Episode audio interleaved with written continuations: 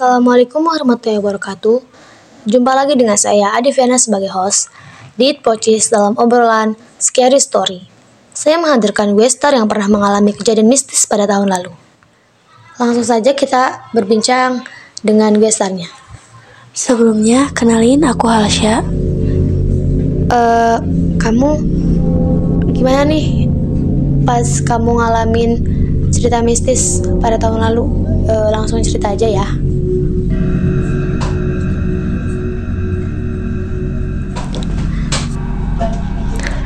Waktu itu aku ke gunung yang di Sumedang lah. Eh, pokoknya ada satu gunung. Nah, ceritanya di rumah tuh ngomong ke mama mau muncak banyakan. Sekitar tujuh orangan. Itu di hari Jumat pagi ngomongnya. Itu di hari Jumat pagi ngomongnya. Ya udah tuh diizinin, soalnya aku sama si kakak di sini berdua. Singkat cerita, jam setengah sebelas, aku sama kakak udah free fire. Terus ngechat tuh sama leadernya. Kang, gimana? Jadi nggak? Kata si kakak ngechat ke leadernya. Terus katanya, insya Allah ya. Sekarang paling Jumatan dulu. Paling nanti ke sananya udah beres Jumatan. Ya udahlah, kata kakak oke. Terus leadernya tuh ngechat gini. Duluan aja tungguin di base camp, nanti gue nyusul katanya. Nah, ya udahlah, aku sama kakak mutusin buat berangkat jam setengah dua belasan. Itu tuh lagi panas-panasnya lah, bayangin aja coba. Aku sama kakak disuruh makan dulu sama mama biar gak masuk angin. Soalnya lumayan setengah jaman juga di perjalanan. Beres makan, aku sama kakak berangkatlah naik motor. Terus Terus sebelumnya udah pamitan dulu sama mama. Pas mau lewatin tanjakan, tiba-tiba aja itu motor gak naik tuh. Dan apa yang terjadi? Aku sama kakak jatuh. Tapi alhamdulillahnya nggak kenapa-napa. Di sini masih positif thinking aja. Mungkin gak naik juga karena bawa carrier dua tuh depan sama belakang. Ya udahlah, lanjut perjalanan. Selama perjalanan kita masih santai-santai aja sambil ngobrol-ngobrol. Aku sama kakak berhenti dulu di satu warung karena azan.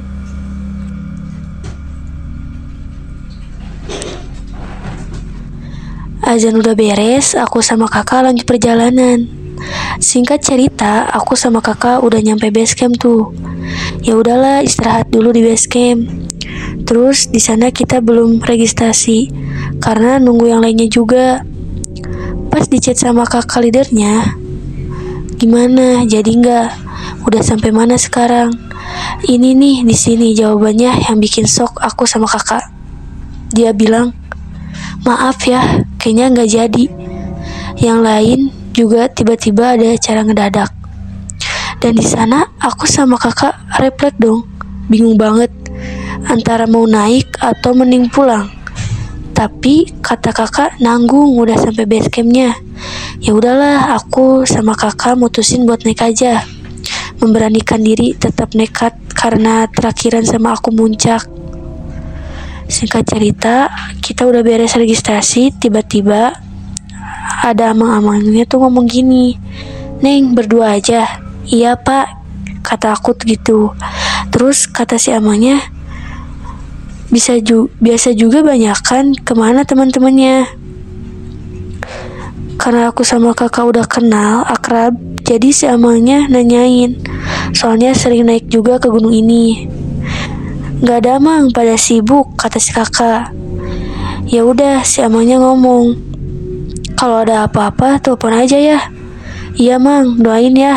Di situ sambil bercanda ketawa-ketawa gitulah Terus aku sama kakak mulai jalan, ngelewatin banyak rumah-rumah warga dan masih perkebunan warga juga, karena lumayan juga lama buat nyampe ke pos satu tuh. Singkat cerita, aku udah sampai pos satu tuh. Itu tuh posisinya jam setengah dua lah. Di sana kakak ngeluarin madu saset biar nggak terlalu capek lah. Mulai lagi tuh jalan ke pos 2.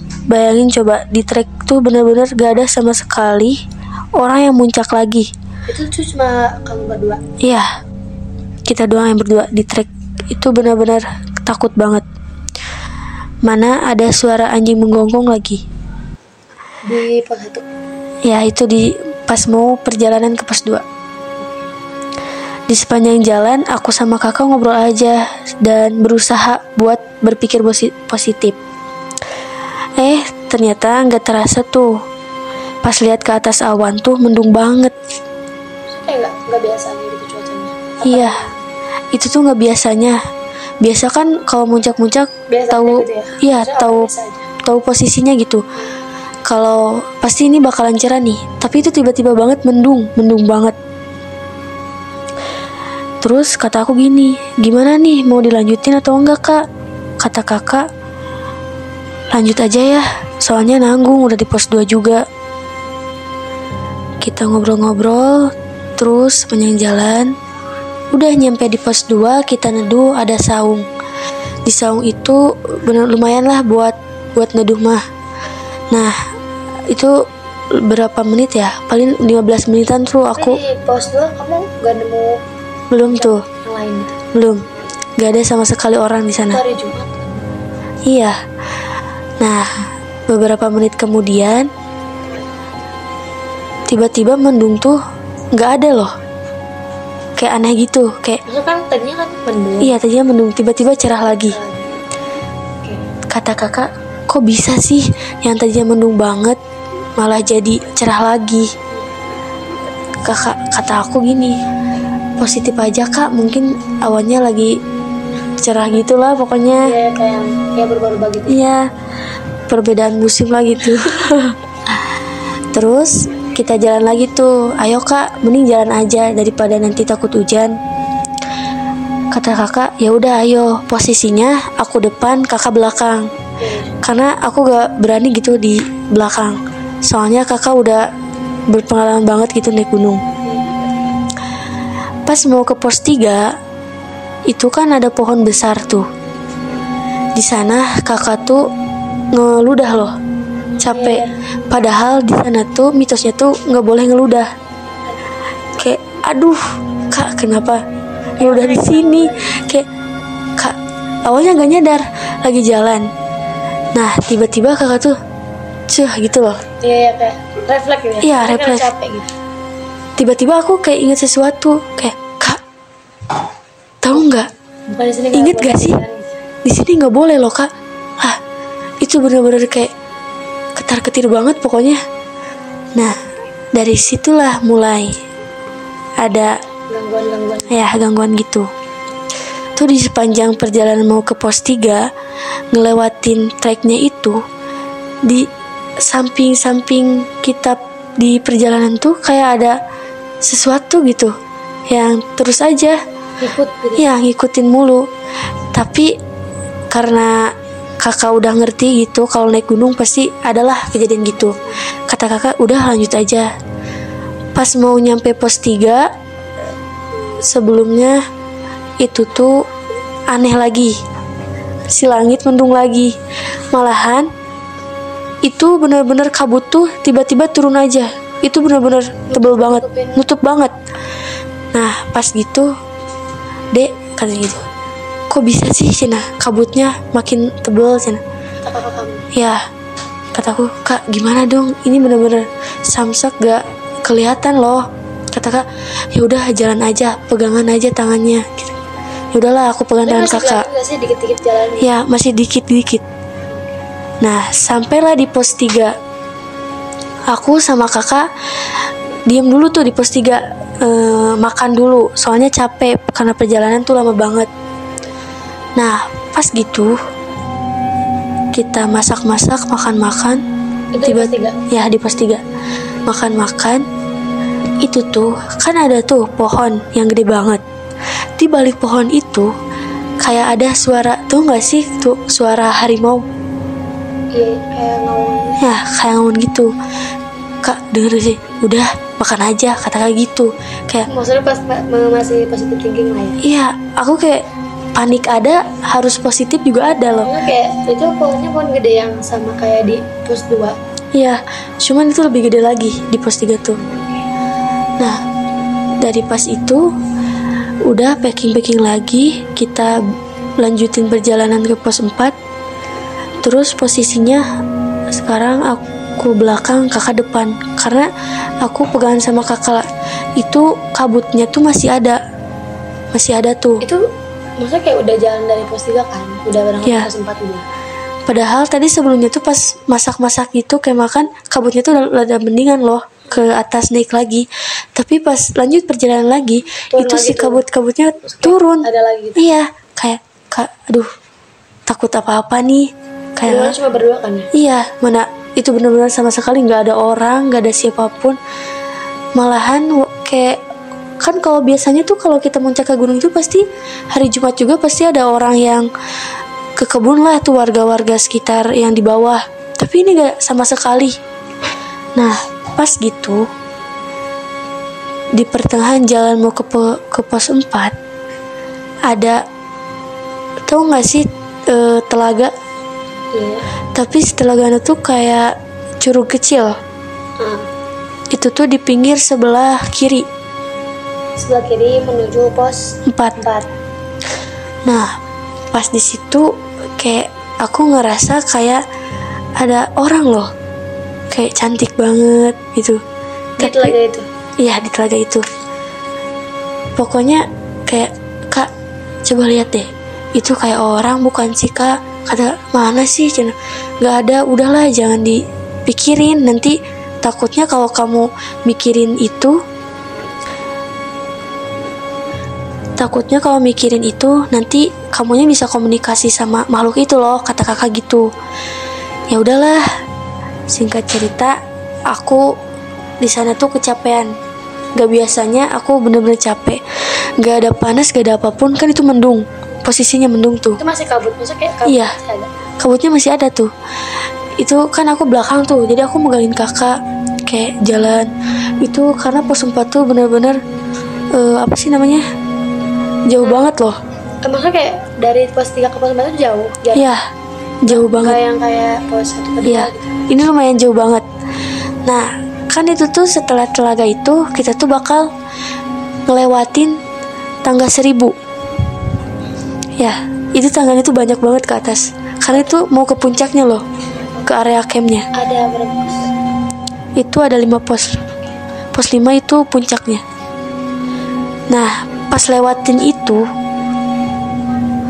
aku jalan-jalan. Tiba-tiba kayak ada yang manggil.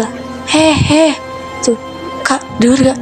Udah, kak, kakak mah tuh positif thinking aja Tapi gitu. kakak denger kakak denger. Aku ngedenger, cuman kayak ya udah nenangin aku kayak udah jangan dipikirin udahlah. Udah biasa itu mah karena kakak udah Udah sering lah ya? iya sering. Sedangkan aku kan lumayan lah kayak 11 12 lah tingkatnya gitulah. Nah pas itu udah beberapa dikit lagi mau ke atas bener ke seribunya. Di sana tuh kan kayak gimana ya? Tangga tangga tangga tangga beres tangga langsung kayak gitu loh area camp.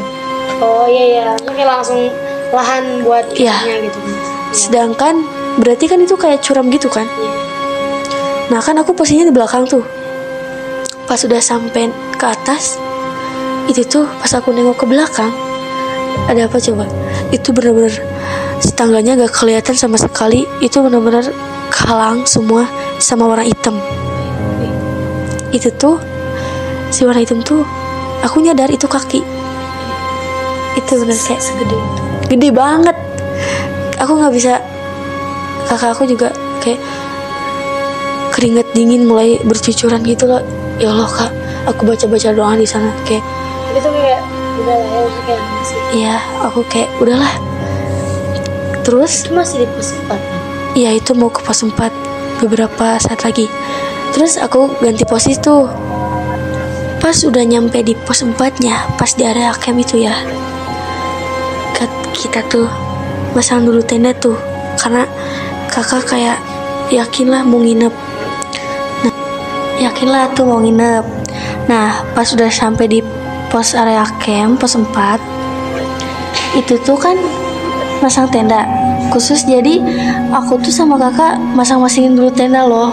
Jadi nggak langsung istirahat pas udah selesai masuk tenda Itu pas sampai empat tuh kapan tuh? Maksudnya masih siang apa masih? sore-sorean lah. Jam berapa ya kira-kira? Lupa lagi soalnya. Pokoknya pokoknya itu kabut kan. Jadi siang nggak juga sore nggak juga loh. Sama juga aku sama kakak juga nggak ngeiniin waktu nggak ngeliatin waktu. Nah pas beres tenda tendanya selesai aku sama kakak masuk. Pas gitu pas gitu pas udah aku sama kakak udah masuk nih di dalam tenda. Itu posisinya istirahat aku tiduran kakak sambil main HP tuh.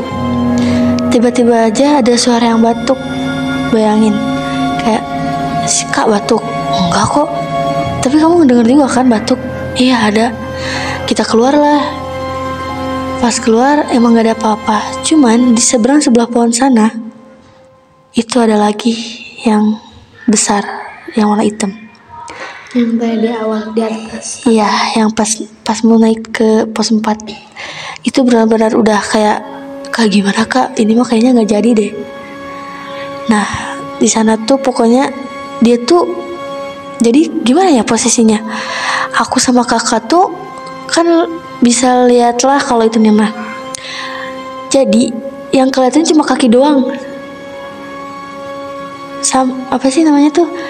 Sak, makin besarnya jadi nggak kelihatan Saking besar gitu ya. Iya, saking besarnya tuh nggak kelihatan mukanya loh. Cuman kaki doang setengah. Sama aku juga gak berani natap ke atas gitu kan. Tapi kakak natap ke atas. Kayak dia udah kakak udah kelihatan pucat banget. Nah pas gitu aku sama kakak mutusin lah buat ngepacking lagi, nggak jadi nginep. Itu benar capek banget.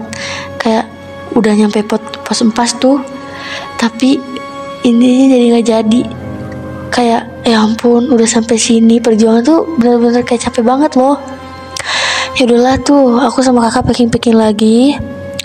Beberapa menit kemudian udahlah beres kita turun. Pas turun kan itu ngelewatin dulu tanggal seribu itu masih Nggak sampai puncak dong. enggak enggak jadi sampai puncak. Kita cuma di pos 4 doang. Nah kita turun lah itu kan turun harus ngelewatin dulu tanggal seribu tuh. Si kakak tergelincir. Jadi kan kakak posisinya depan aku belakang. Sedangkan itu eh, apa sih namanya? Pegangan. Oh iya. jadi aku ke bawah ke bawah loh. Tapi untungnya tuh itu gak kenapa-napa.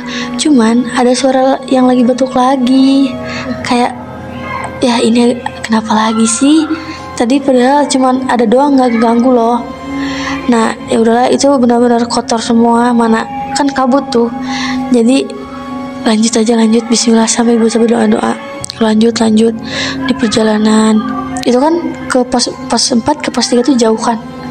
Udah lewatin tanggal 1000 pokoknya jalan-jalan nah itu kan itu tuh pas pertengahan jalan tuh ada tikungan. Nah di situ tuh pokoknya tuh kayak ada yang kelebat-kelebat di samping-samping ya udahlah kata kakak biarin aja nggak usah dipikirin. Nanti takutnya kamu komunikasi sama dia sama makhluknya maksudnya. Ya udahlah jalan-jalan udah nyampe pos 3 di situ aman gak ada apa-apa. Itu masih kabut.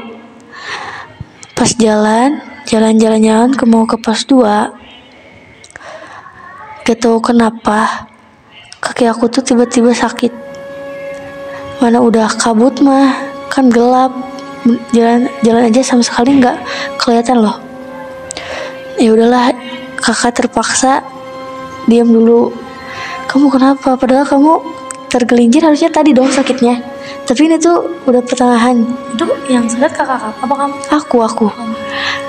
Nah pas gitu nah pas gitu nggak lama di situ diam dulu aku lumayan bisa dikit lah jalan-jalan mau ke pos berapa sih? Pos berapa tadi? Nah ya. Itu belum nyampe pos 2 ya? Belum. Belum.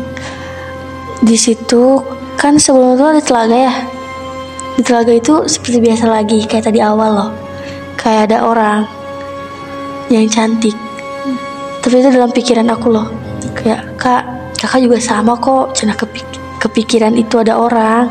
Tapi bukan orang loh. Udahlah biarin. Gak usah di ladenin gitu kata kakak ya udah kak. Itu benar-benar bayangin ya.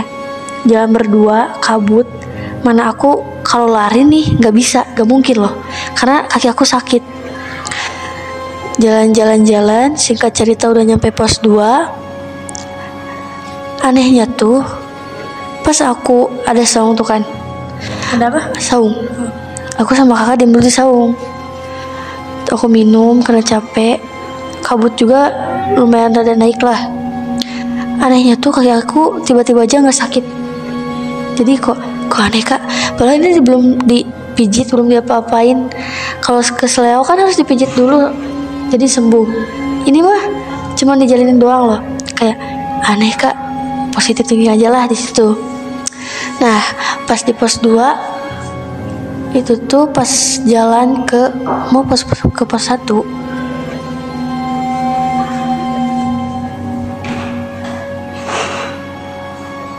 pas mau jalan ke pos 1 ternyata kan posisinya dirubah aku depan kakak belakang.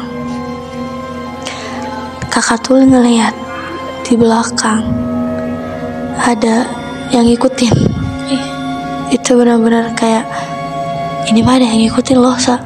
Kayak gitu. Apakah ada? Pokoknya kakak nggak nyebut. Sampai sekarang kakak nggak nyebutin yang ngikutin apa tapi yang dirasain sama aku tuh itu anak kecil. Tapi emang bener sih sebelumnya aku juga kayak ngedengar suara anak kecil. Tuh nggak sih kalau suara anak kecil lagi nangis? Nah gitu. Itu benar-benar udah kok gak kayak kayak biasanya gitu. Aneh banget loh ini hari paling tersial naik gunung ini. Kata aku gitu. Ya udahlah itu ngomongnya pas di rumah. Nah pas itu kan ada yang ngikutin jalan-jalan jalan jalan. Ternyata yang anak kecil itu tuh katanya pokoknya tuh ada ibu-ibu yang ngebuang janin ke atas gunung itu katanya gitu. Itu tuh udah kita udah nyampe pos satu tuh. Kita kan cerita-cerita sama si amang-amang yang itu. Katanya ya cina terkuak juga kan cina ada. Makanya lain kali jangan berdua ya kata si amang gitu udah lama ya agak kan. Tapi itu si amang cerita-cerita itu anak juga masih ada loh. Iya. Aku ngerasa kayak ini mah ngikutin belum? Ngikutin ya kak? Iya katanya gitu.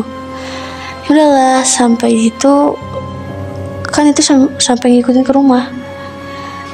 Untungnya aja kan kakek aku tuh bisa lah jadi dibersihin sama kakek. Nah pas